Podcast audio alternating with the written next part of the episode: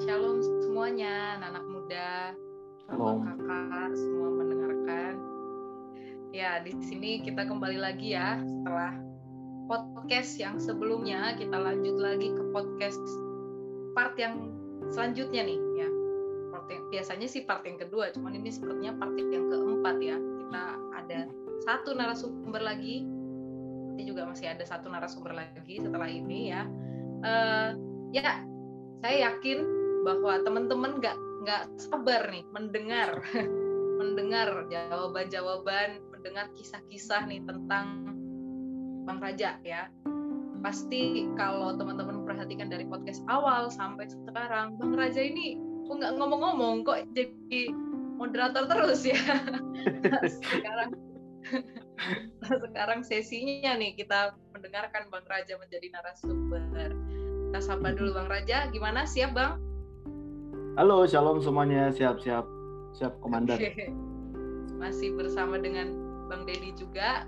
Kita akan eh, sama-sama ya, kita akan sama-sama saya dan Bang Dedi akan bertanya-tanya nih tentang gimana sih kehidupan Bang Raja sekarang ya sebagai full timer juga. Wah, kebetulan nih kita mewawancara, kita ngobrol-ngobrol sama full timer full timer ya.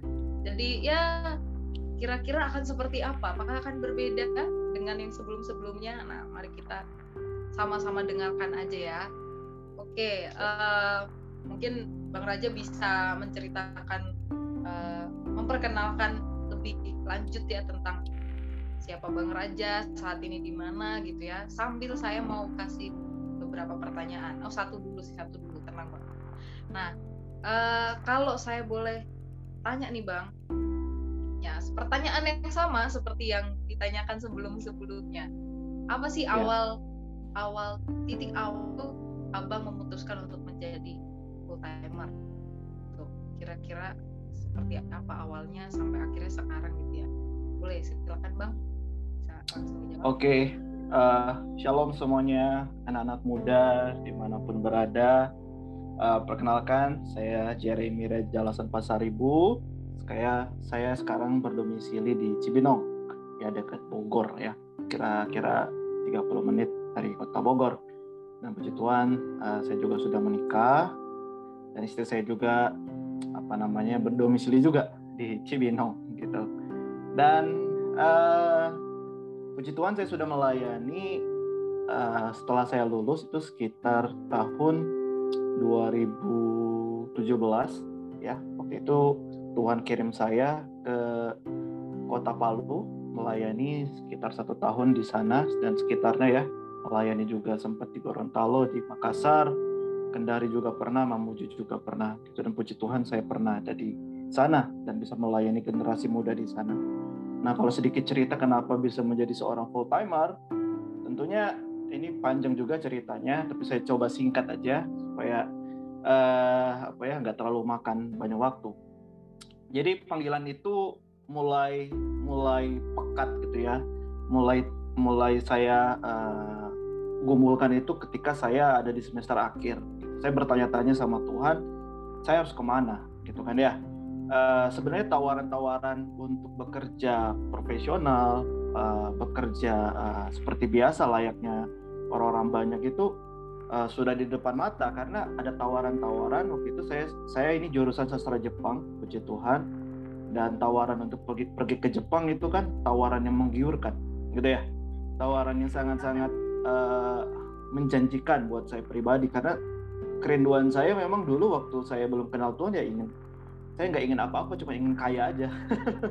Ingin kaya traveling jalan-jalan gitu ya. Menyelesaikan misi pribadi saya itu menjadi eh, kerinduan saya. Tetapi ketika saya sudah kenal Tuhan di semester akhir itu entah kenapa eh, keinginan itu semakin pudar. Bukan hilang ya tapi pudar gitu. Rasanya keinginan untuk eh, melakukan apa yang menjadi nafsu pribadi saya itu semakin pudar gitu. Dan saya bertanya-tanya saya berdoa sama Tuhan dan saya coba untuk uh, berpuasa. Ya saya berpuasa untuk itu karena saya nggak mau ketika saya lulus uh, nanti uh, saya seperti orang terhilang nggak jelas gitu ya nggak tahu ke mana ngapain ya udah. Uh, uh, saya nggak mau seperti itu. Saya berdoa sungguh-sungguh dan saya tanya Tuhan ke mana saya harus pergi? Dan puji Tuhan saya dikelilingi orang-orang yang mensupport dan mau apa ya mengajar saya membimbing saya dan kasih masukan sama saya. Dan eh, singkat cerita ya saya dapetin hati waktu itu entah kenapa ya setiap saya pergi ke tempat-tempat yang banyak kerumunan orang setiap saya pergi ke tempat-tempat yang uh, di situ kurang lebih ya apa ya uh, di atas 100 orang gitu ya. Saya lihat mereka itu seperti seperti apa ya sekumpulan orang-orang yang uh, firman Tuhan katakan berduyun-duyun ke tempat pemancingan gitu ya. Entah kenapa ayat itu muncul gitu ya. Berduyun-duyun masuk ke tempat pemancingan. Berduyun-duyun uh, akan binasa gitu ya. Dan saya menangis ketika saya ada di uh, apa ya uh, ada di tempat itu ya. Entah kenapa saya selalu menangis entah entah itu apa ya sampai meneteskan air mata atau tidak, tapi saya begitu pilu hati saya dan kenapa perasaan seperti ini ada muncul dalam hati saya. Semakin saya melihat mereka, ya saya semakin sedih, semakin pilu hati saya. Dan itu nggak bisa saya jelaskan mungkin seperti apa betapa sedihnya waktu itu. Dan itu jadi pergumulan saya gitu. Dan saya selalu renungkan itu saya selalu coba tanyakan sama uh, orang-orang sekitar saya. Dan ya mungkin saat itu teman-teman saya belum bisa kasih jawaban yang memuaskan hati saya. Tapi entah kenapa di dalam hati saya selalu ada perasaan atau ada muncul ya passion atau gairah untuk ya kamu harus berbuat sesuatu. Kamu harus berbuat sesuatu. Gitu. Dan ya singkat cerita lagi ya supaya ini nggak terlalu lama dan entah kenapa saya selalu diingatkan uh, waktu itu saya tinggal dengan ya kakak rawani saya dengan Bang Dedi gitu ya. Saya selalu lihat kehidupan abang kita ini, abang saya juga.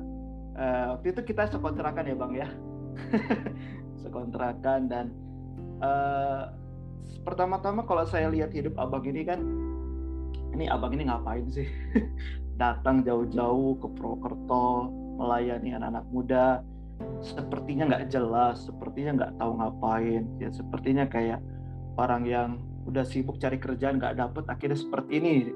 Di awal-awal saya mikirnya seperti itu kayak nggak jelas tapi semakin ke sini wow ini abang ini melakukan sesuatu yang orang lain nggak mau lakukan gitu abang ini melakukan sesuatu yang menurut saya menurut uh, pribadi saya ini pekerjaan yang sangat-sangat mulia gitu ya. Tetapi saya saat itu nggak kepikiran untuk jadi abang menjadi seperti abang itu. Tetapi saya mulai terinspirasi. Wah saya kayaknya nggak bisa hidup saya hanya sekedar bekerja, istri, punya anak, meninggal gitu. Enggak, saya harus menjadi berkat ya seperti layaknya abang ini. Tetapi entah kenapa gitu ya di masa-masa saya waktu itu ya uh, waktu itu puji Tuhan abang itu sudah ada di Kalimantan atau di mana saya lupa waktu saya semester akhir tuh abang ada di Bandung atau di Kalimantan ya bang ya saya lupa gitu entah kenapa di masa-masa saya mendoakan panggilan hidup saya ya abang itu apa ya apa yang pernah abang itu ajarkan apa yang pernah abang itu pernah teladani sama saya itu kayak muncul gitu loh. Wah entah kenapa itu kayak muncul terus uh, setiap saya berdoa setiap saya renungkan wah kayaknya ini ada maksud Tuhan gitu ya.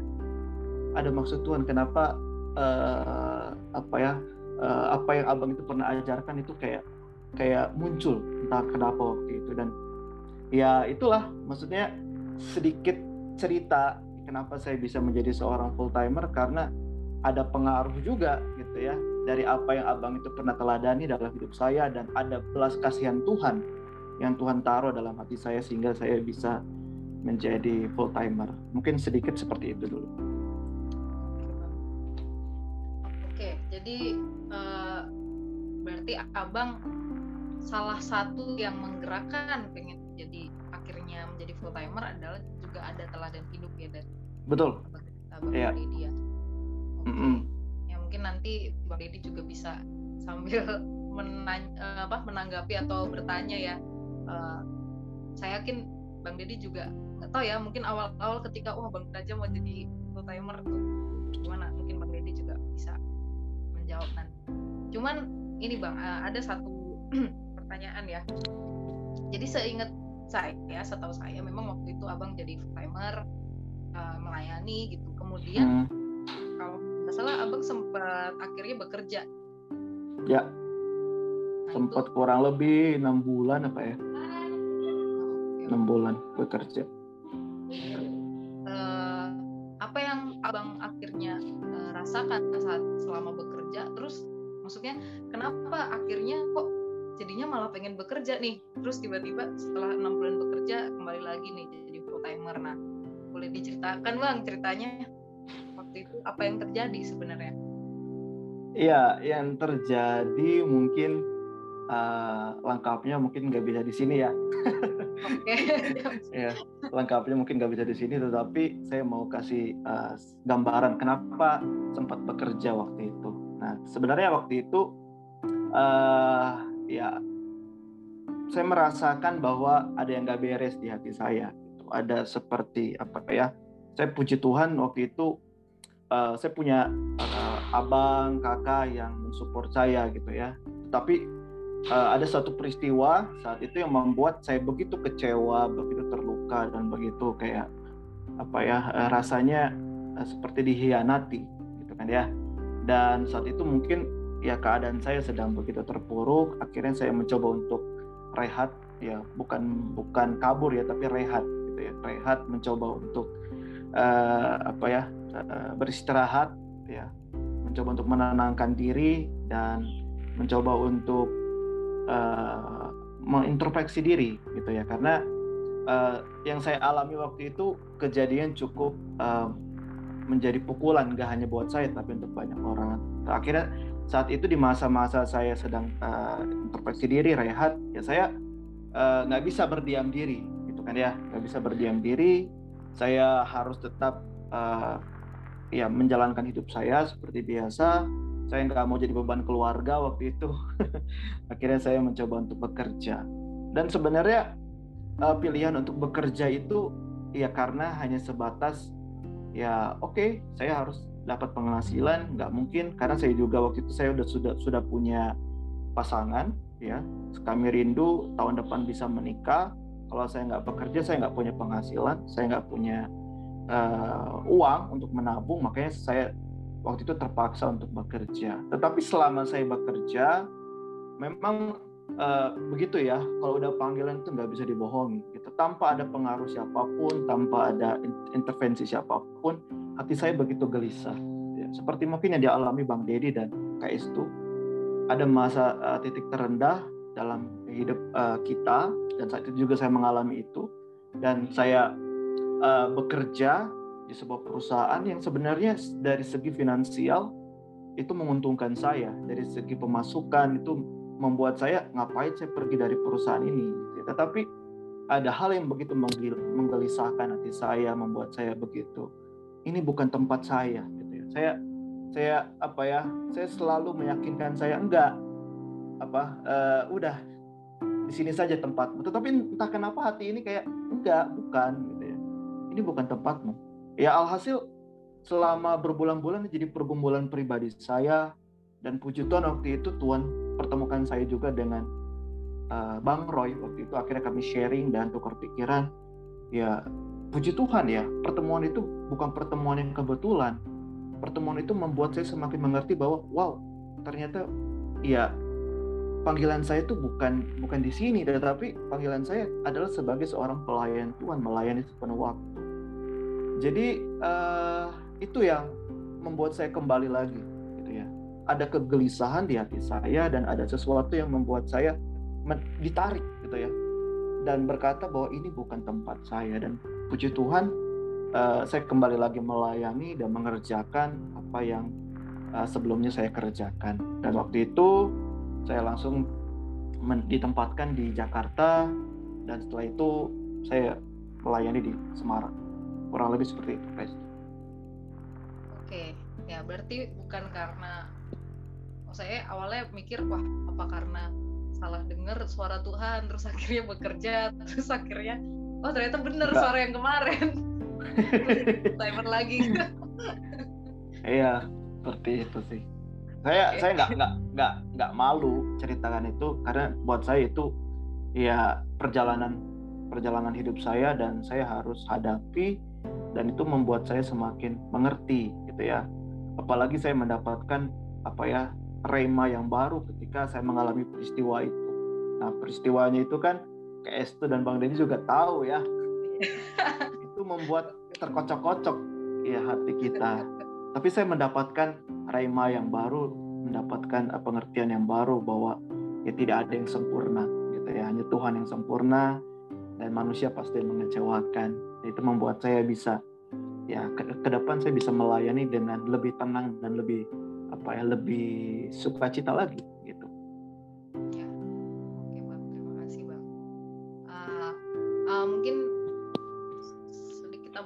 pertanyaan ya, mungkin setelah ini kalau bang Dedi mau bertanya boleh. Uh, uh, dalam perjalanan abang itu ya jadi full timer, kemudian apa sempat bekerja enam bulan, kemudian jadi full timer lagi gitu hmm. abang pasti lah ya pasti sempat berdiskusi juga ya dengan pasangan ya yep. dengan pasangan yang sekarang sudah menjadi istri abang tentunya ya kalau Yoi. Ya puji Tuhan. Kalau tanggapan dari uh, istri abang waktu itu gimana bang? Maksudnya dengan uh, abang jadi full timer dan lain sebagainya. Nah itu tanggapan dari istri abang gimana?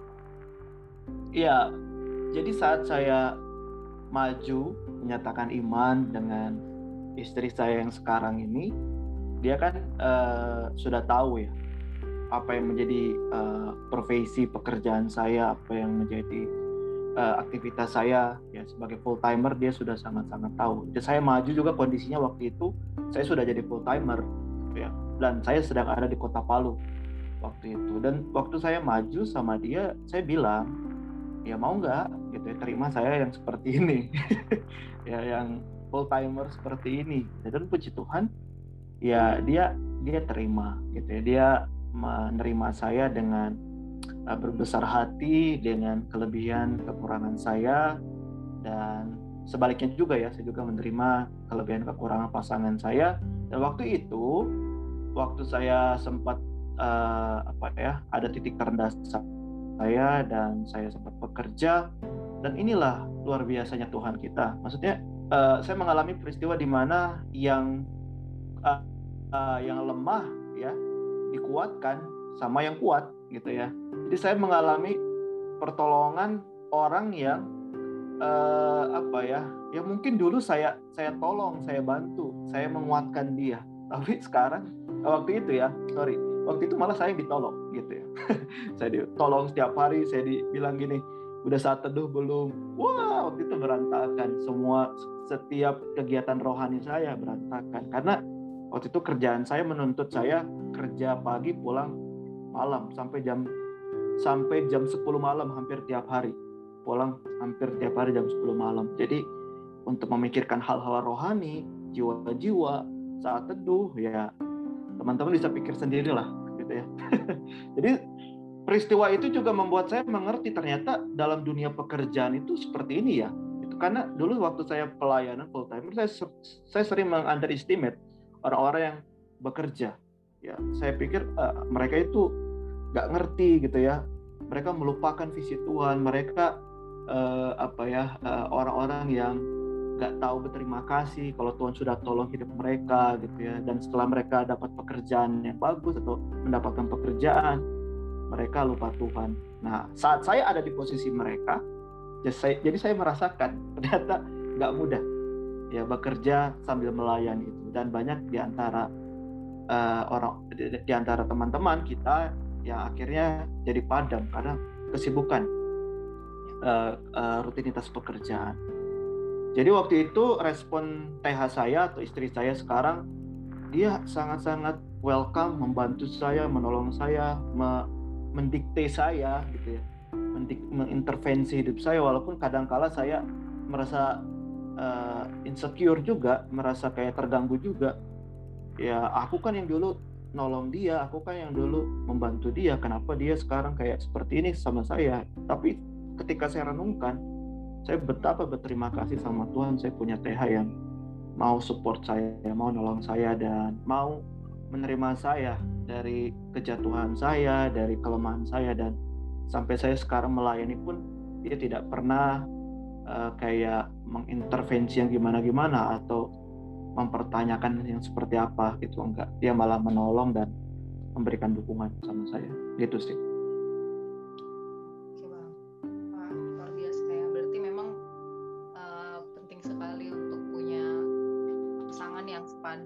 Betul. mau mau menerima juga kak. Dan di awal memang uh, kita perlu sampaikan juga ya bang bahwa ya nanti ke depan akan seperti ini gitu kamu mau atau enggak terima yeah. atau enggak Iya. Yeah.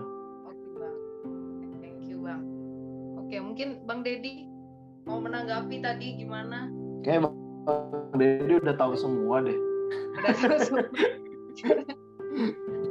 mungkin saya sedikit nanya sama Bang Dedi terus Bang Dedi ada pertanyaan boleh Bang sedikit ceritanya gimana Bang tanggapannya setelah wah Bang Raja mau jadi pasti kan cerita juga ya sama Bang Dedi ya. Gimana tanggapan Abang? Terus kalian kalau Abang pertanyaan boleh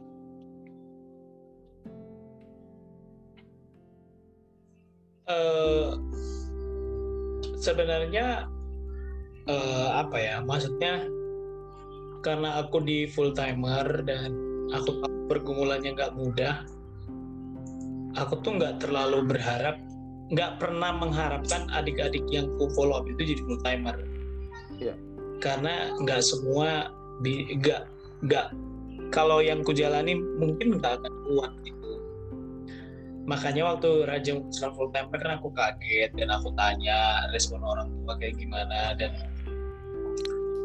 dan ya Tuhan yang benar panggil dia. Jadi ya izin lah sama Tuhan karena waktu selama di Purwokerto bareng-bareng sama Raja tuh nggak pernah kepikiran kalau ini anak jadi full timer kan gitu. Karena kan tahu kehidupannya Raja kayak gimana sih nggak kepikiran oh ini nggak akan jadi nggak akan kuat. Pikirnya kan kayak gitu nih nggak akan kuat nih jadi full timer. Maksudnya mikirnya gitu tapi pas dia jadi full timer terus ke kota-kota tuh luar biasa juga ya ternyata maksudnya maksudnya kan gitu. Jadi enggak kepikiran sama sekali gitu dan kaget sih. Dan uh, waktu dia akhirnya berhenti gitu kan sempat ngobrol juga. Waktu dia memutuskan kerja sempat ngobrol dan akhirnya dia balik lagi tuh murni keputusan dia. Jadi nggak ada nggak ada kayak yang aku kompor-kompori atau aku dorong-dorong eh full timer full timer nggak ada gitu-gitu sih. Nggak nggak pernah uh, dengan sengaja gitu nggak nggak pernah. Ya. gitu. Uh, ya paling apa ya maksudnya yang ditanyain ya uh, dengan orang tua kali ya.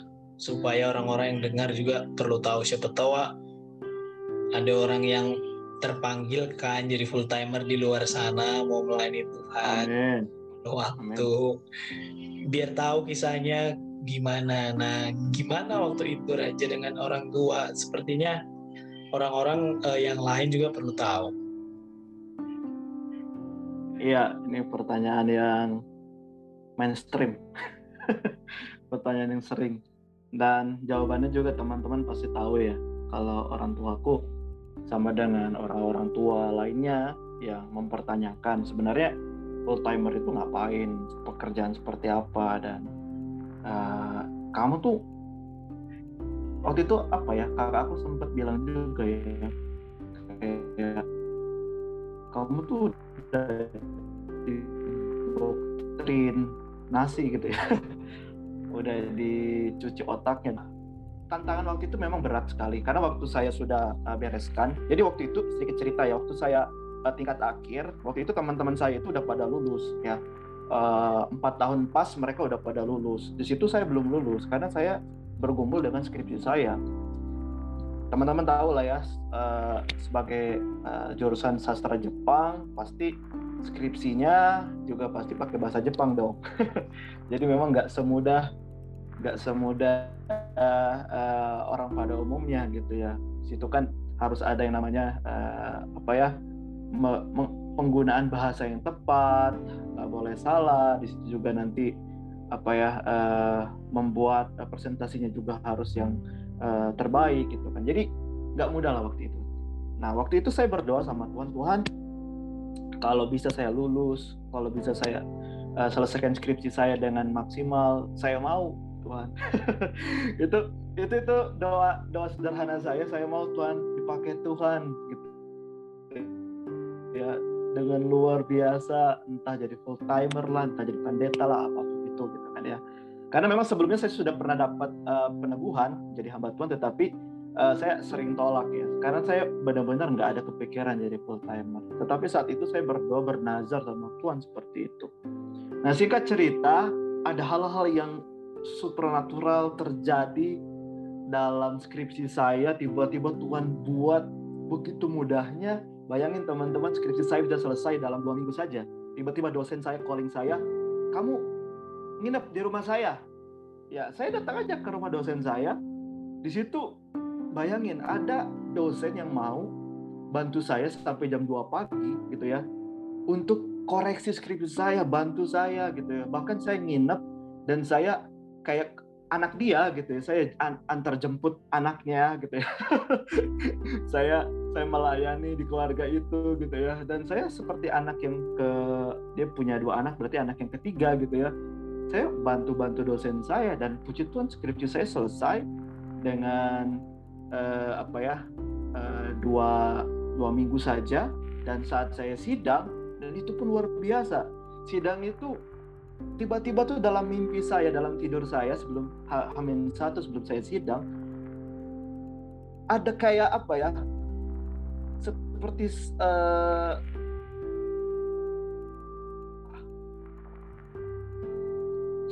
soal-soal yang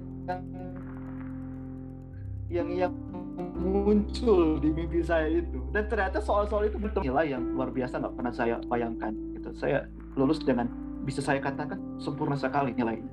Dan saat itu dosen saya tanya sama saya Raja pakai bahasa Jepang begitu ya. Raja setelah ini kamu mau ke mana? Saya bilang, saat itu saya bilang sama dosen saya, saya mau jadi hamba Tuhan, saya mau jadi full timer.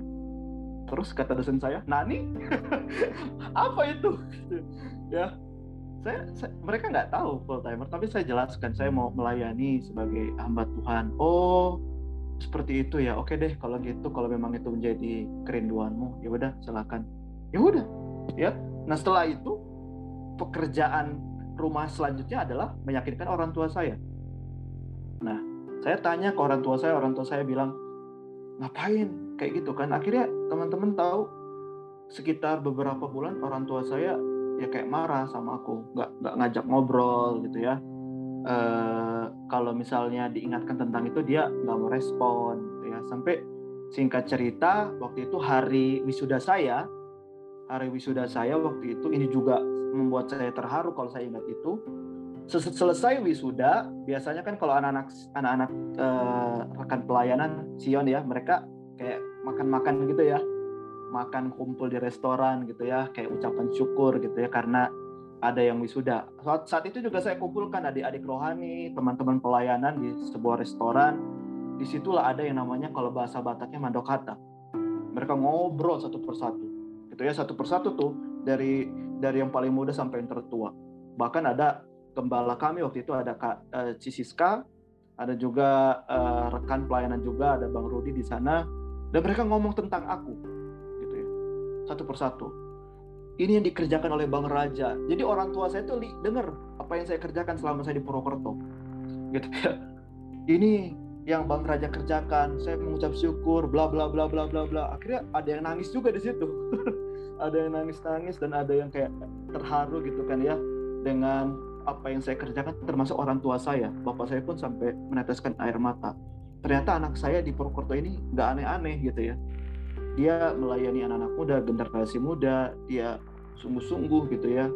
Uh, ya nggak seperti anak-anak muda pada pada umumnya yang ya nakal atau seperti apa. Dan di situ yang paling keras tuh orang tua saya itu mama saya. Papa saya tuh lembut lah hatinya.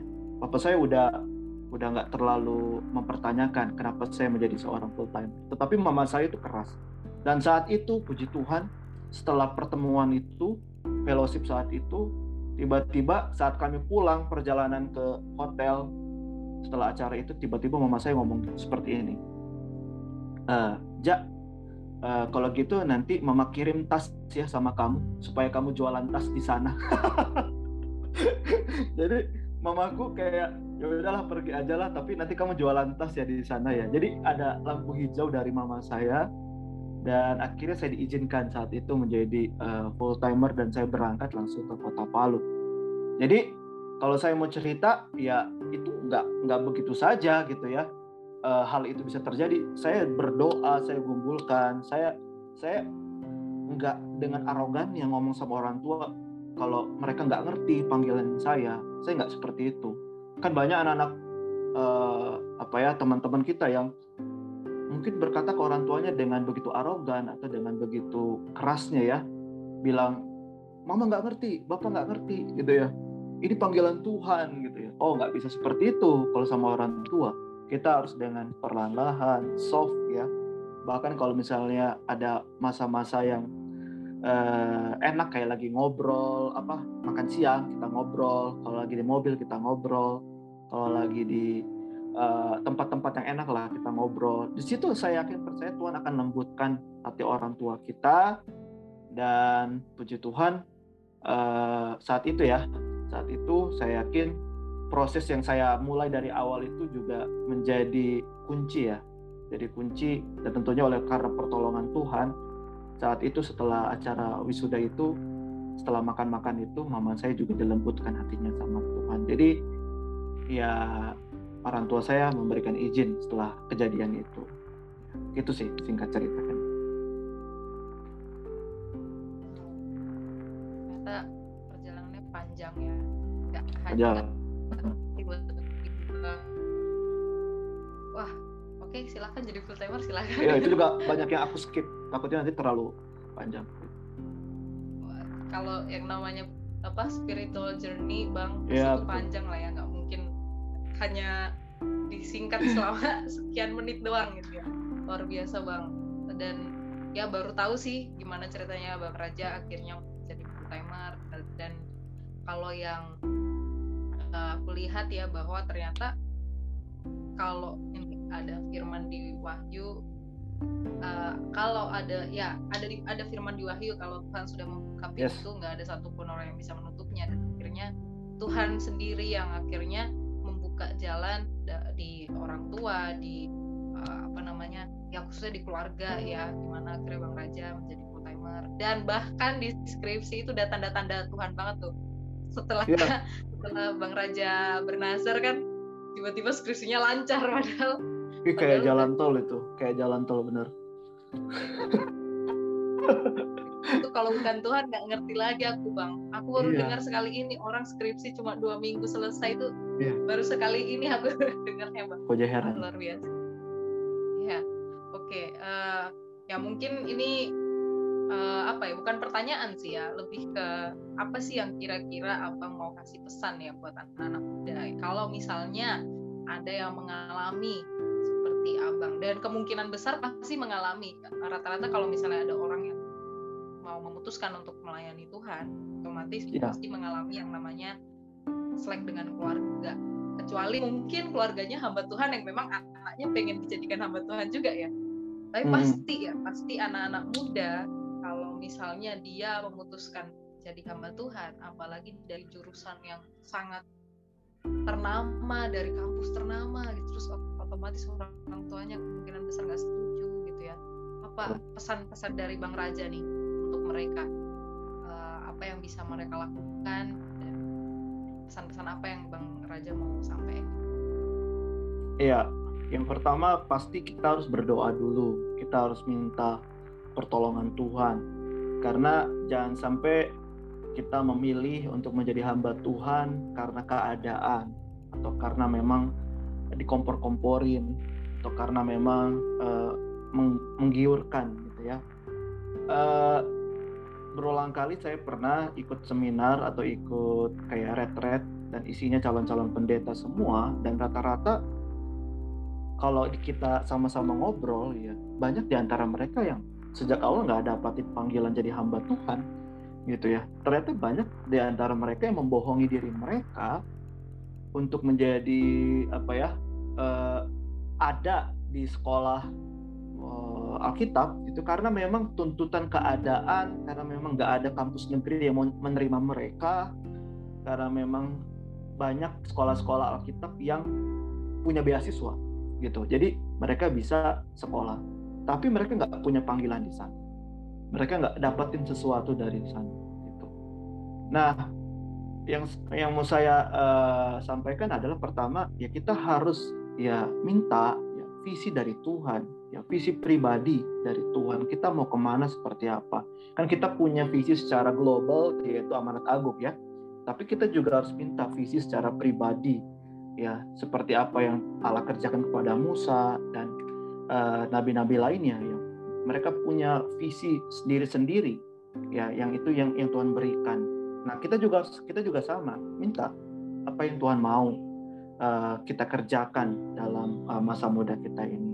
Kita harus berdoa, bila perlu berpuasa, tanya Tuhan, bukan karena keadaan, kondisi, situasi atau apa pun. Gitu. Nah, yang kedua, apabila kita apa ya uh, menghadapi situasi di mana orang tua kita nggak sepakat, orang tua kita nggak setuju dengan panggilan kita, ya kita juga jangan sampai uh, merendahkan mereka gitu. Jangan sampai kita berpikir bahwa ah oh, mereka nggak tahu apa-apa. Mereka itu orang yang uh, apa ya nggak berpendidikan itu seperti apa. Enggak. Jadi walaupun saya tahu ya orang tua saya mungkin saat itu nggak nggak ngerti hal-hal rohani mungkin ya.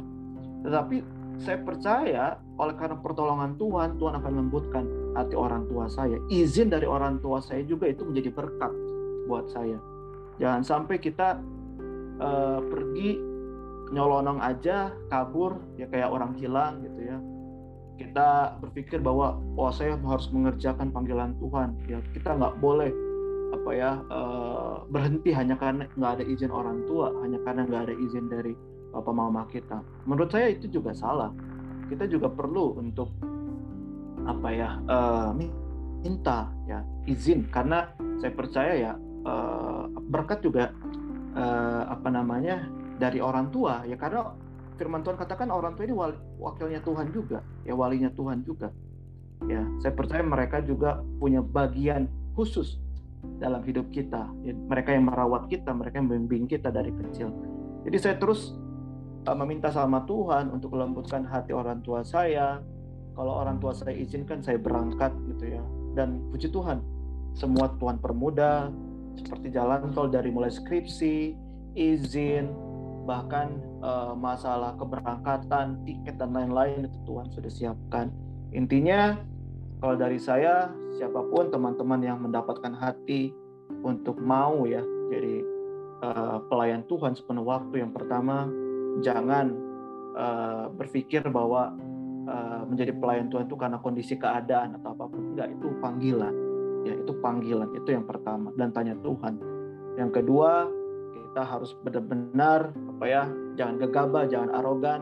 Saya percaya uh, peneguhan-peneguhan itu juga bisa datang dari orang tua rekan rohani kakak rohani dan juga dari pewahyuan dari penglihatan itu bisa terjadi. Dan saya alami semua itu dan saya rangkum semua itu. Saya coba untuk uh, apa ya uh, saya satukan ya setiap apa pun yang Tuhan perlihatkan dalam hidup saya dan itu membuat saya yakin oh ternyata ini adalah panggilan hidup saya gitu. Itu sih. Oke okay, thank you bang Raja. Artinya semua sebelum memutuskan atau uh, ya sebelum memutuskan untuk menjadi hamba Tuhan memang segala sesuatu perlu diuji dulu ya tadi yeah. dari Raja ya.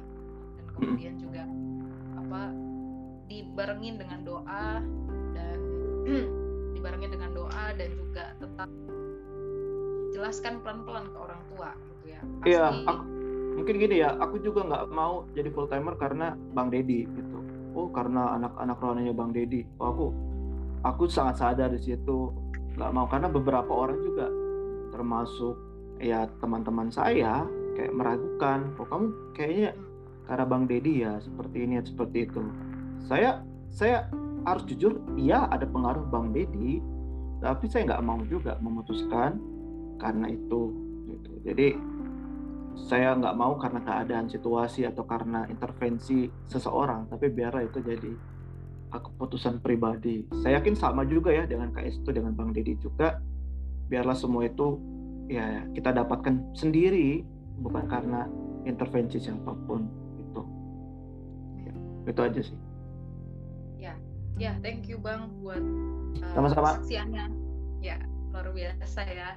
Memang uh, memutuskan sesuatu bukan karena orang lain bukan karena keadaan bukan karena segala sesuatu yang kita sedang pergumulkan tapi memang karena panggilan dari Tuhan. Itu luar biasa sih. Ya. Oke. Ya kita sudah sampai di penghujung podcast ya. Kita akan Gak terasa ya. Ya udah lama kali nih. Kayaknya nanti kalau mau dilanjutkan bisa sampai besok kita. Iya nih. Luar biasa karena kalau kita bicara soal uh, spiritual journey itu nggak akan pernah ada habisnya. Bahkan sampai detik ini pun saya yakin bang Raja bang Dedi dan saya juga ya dan abang kakak yang lain juga masih sedang ada dalam proses spiritual journey-nya masing-masing ya. Dan yes. nah oke. Okay. dan untuk teman-teman pendengar nih yang sudah mendengarkan podcast kita gitu ya. Kalau misalnya ada yang rindu untuk sharing rindu untuk didoakan, rindu untuk di uh, follow up lebih lanjut ya teman-teman uh, bisa kontak di kontak yang akan dimunculkan ya di layar ya. Ada kontak dua kontak. Teman-teman bisa hubungin kontak yang sudah tertera di situ dan bisa konseling atau konsul di situ bersama uh, orang-orang yang sudah terpilih ya orang-orang yang sudah di ya sudah apa ya berkapasitas di situ ya teman-teman dan ya. kita rindu sama-sama para pendengar diberkati dengan podcast yang kita sudah Amin.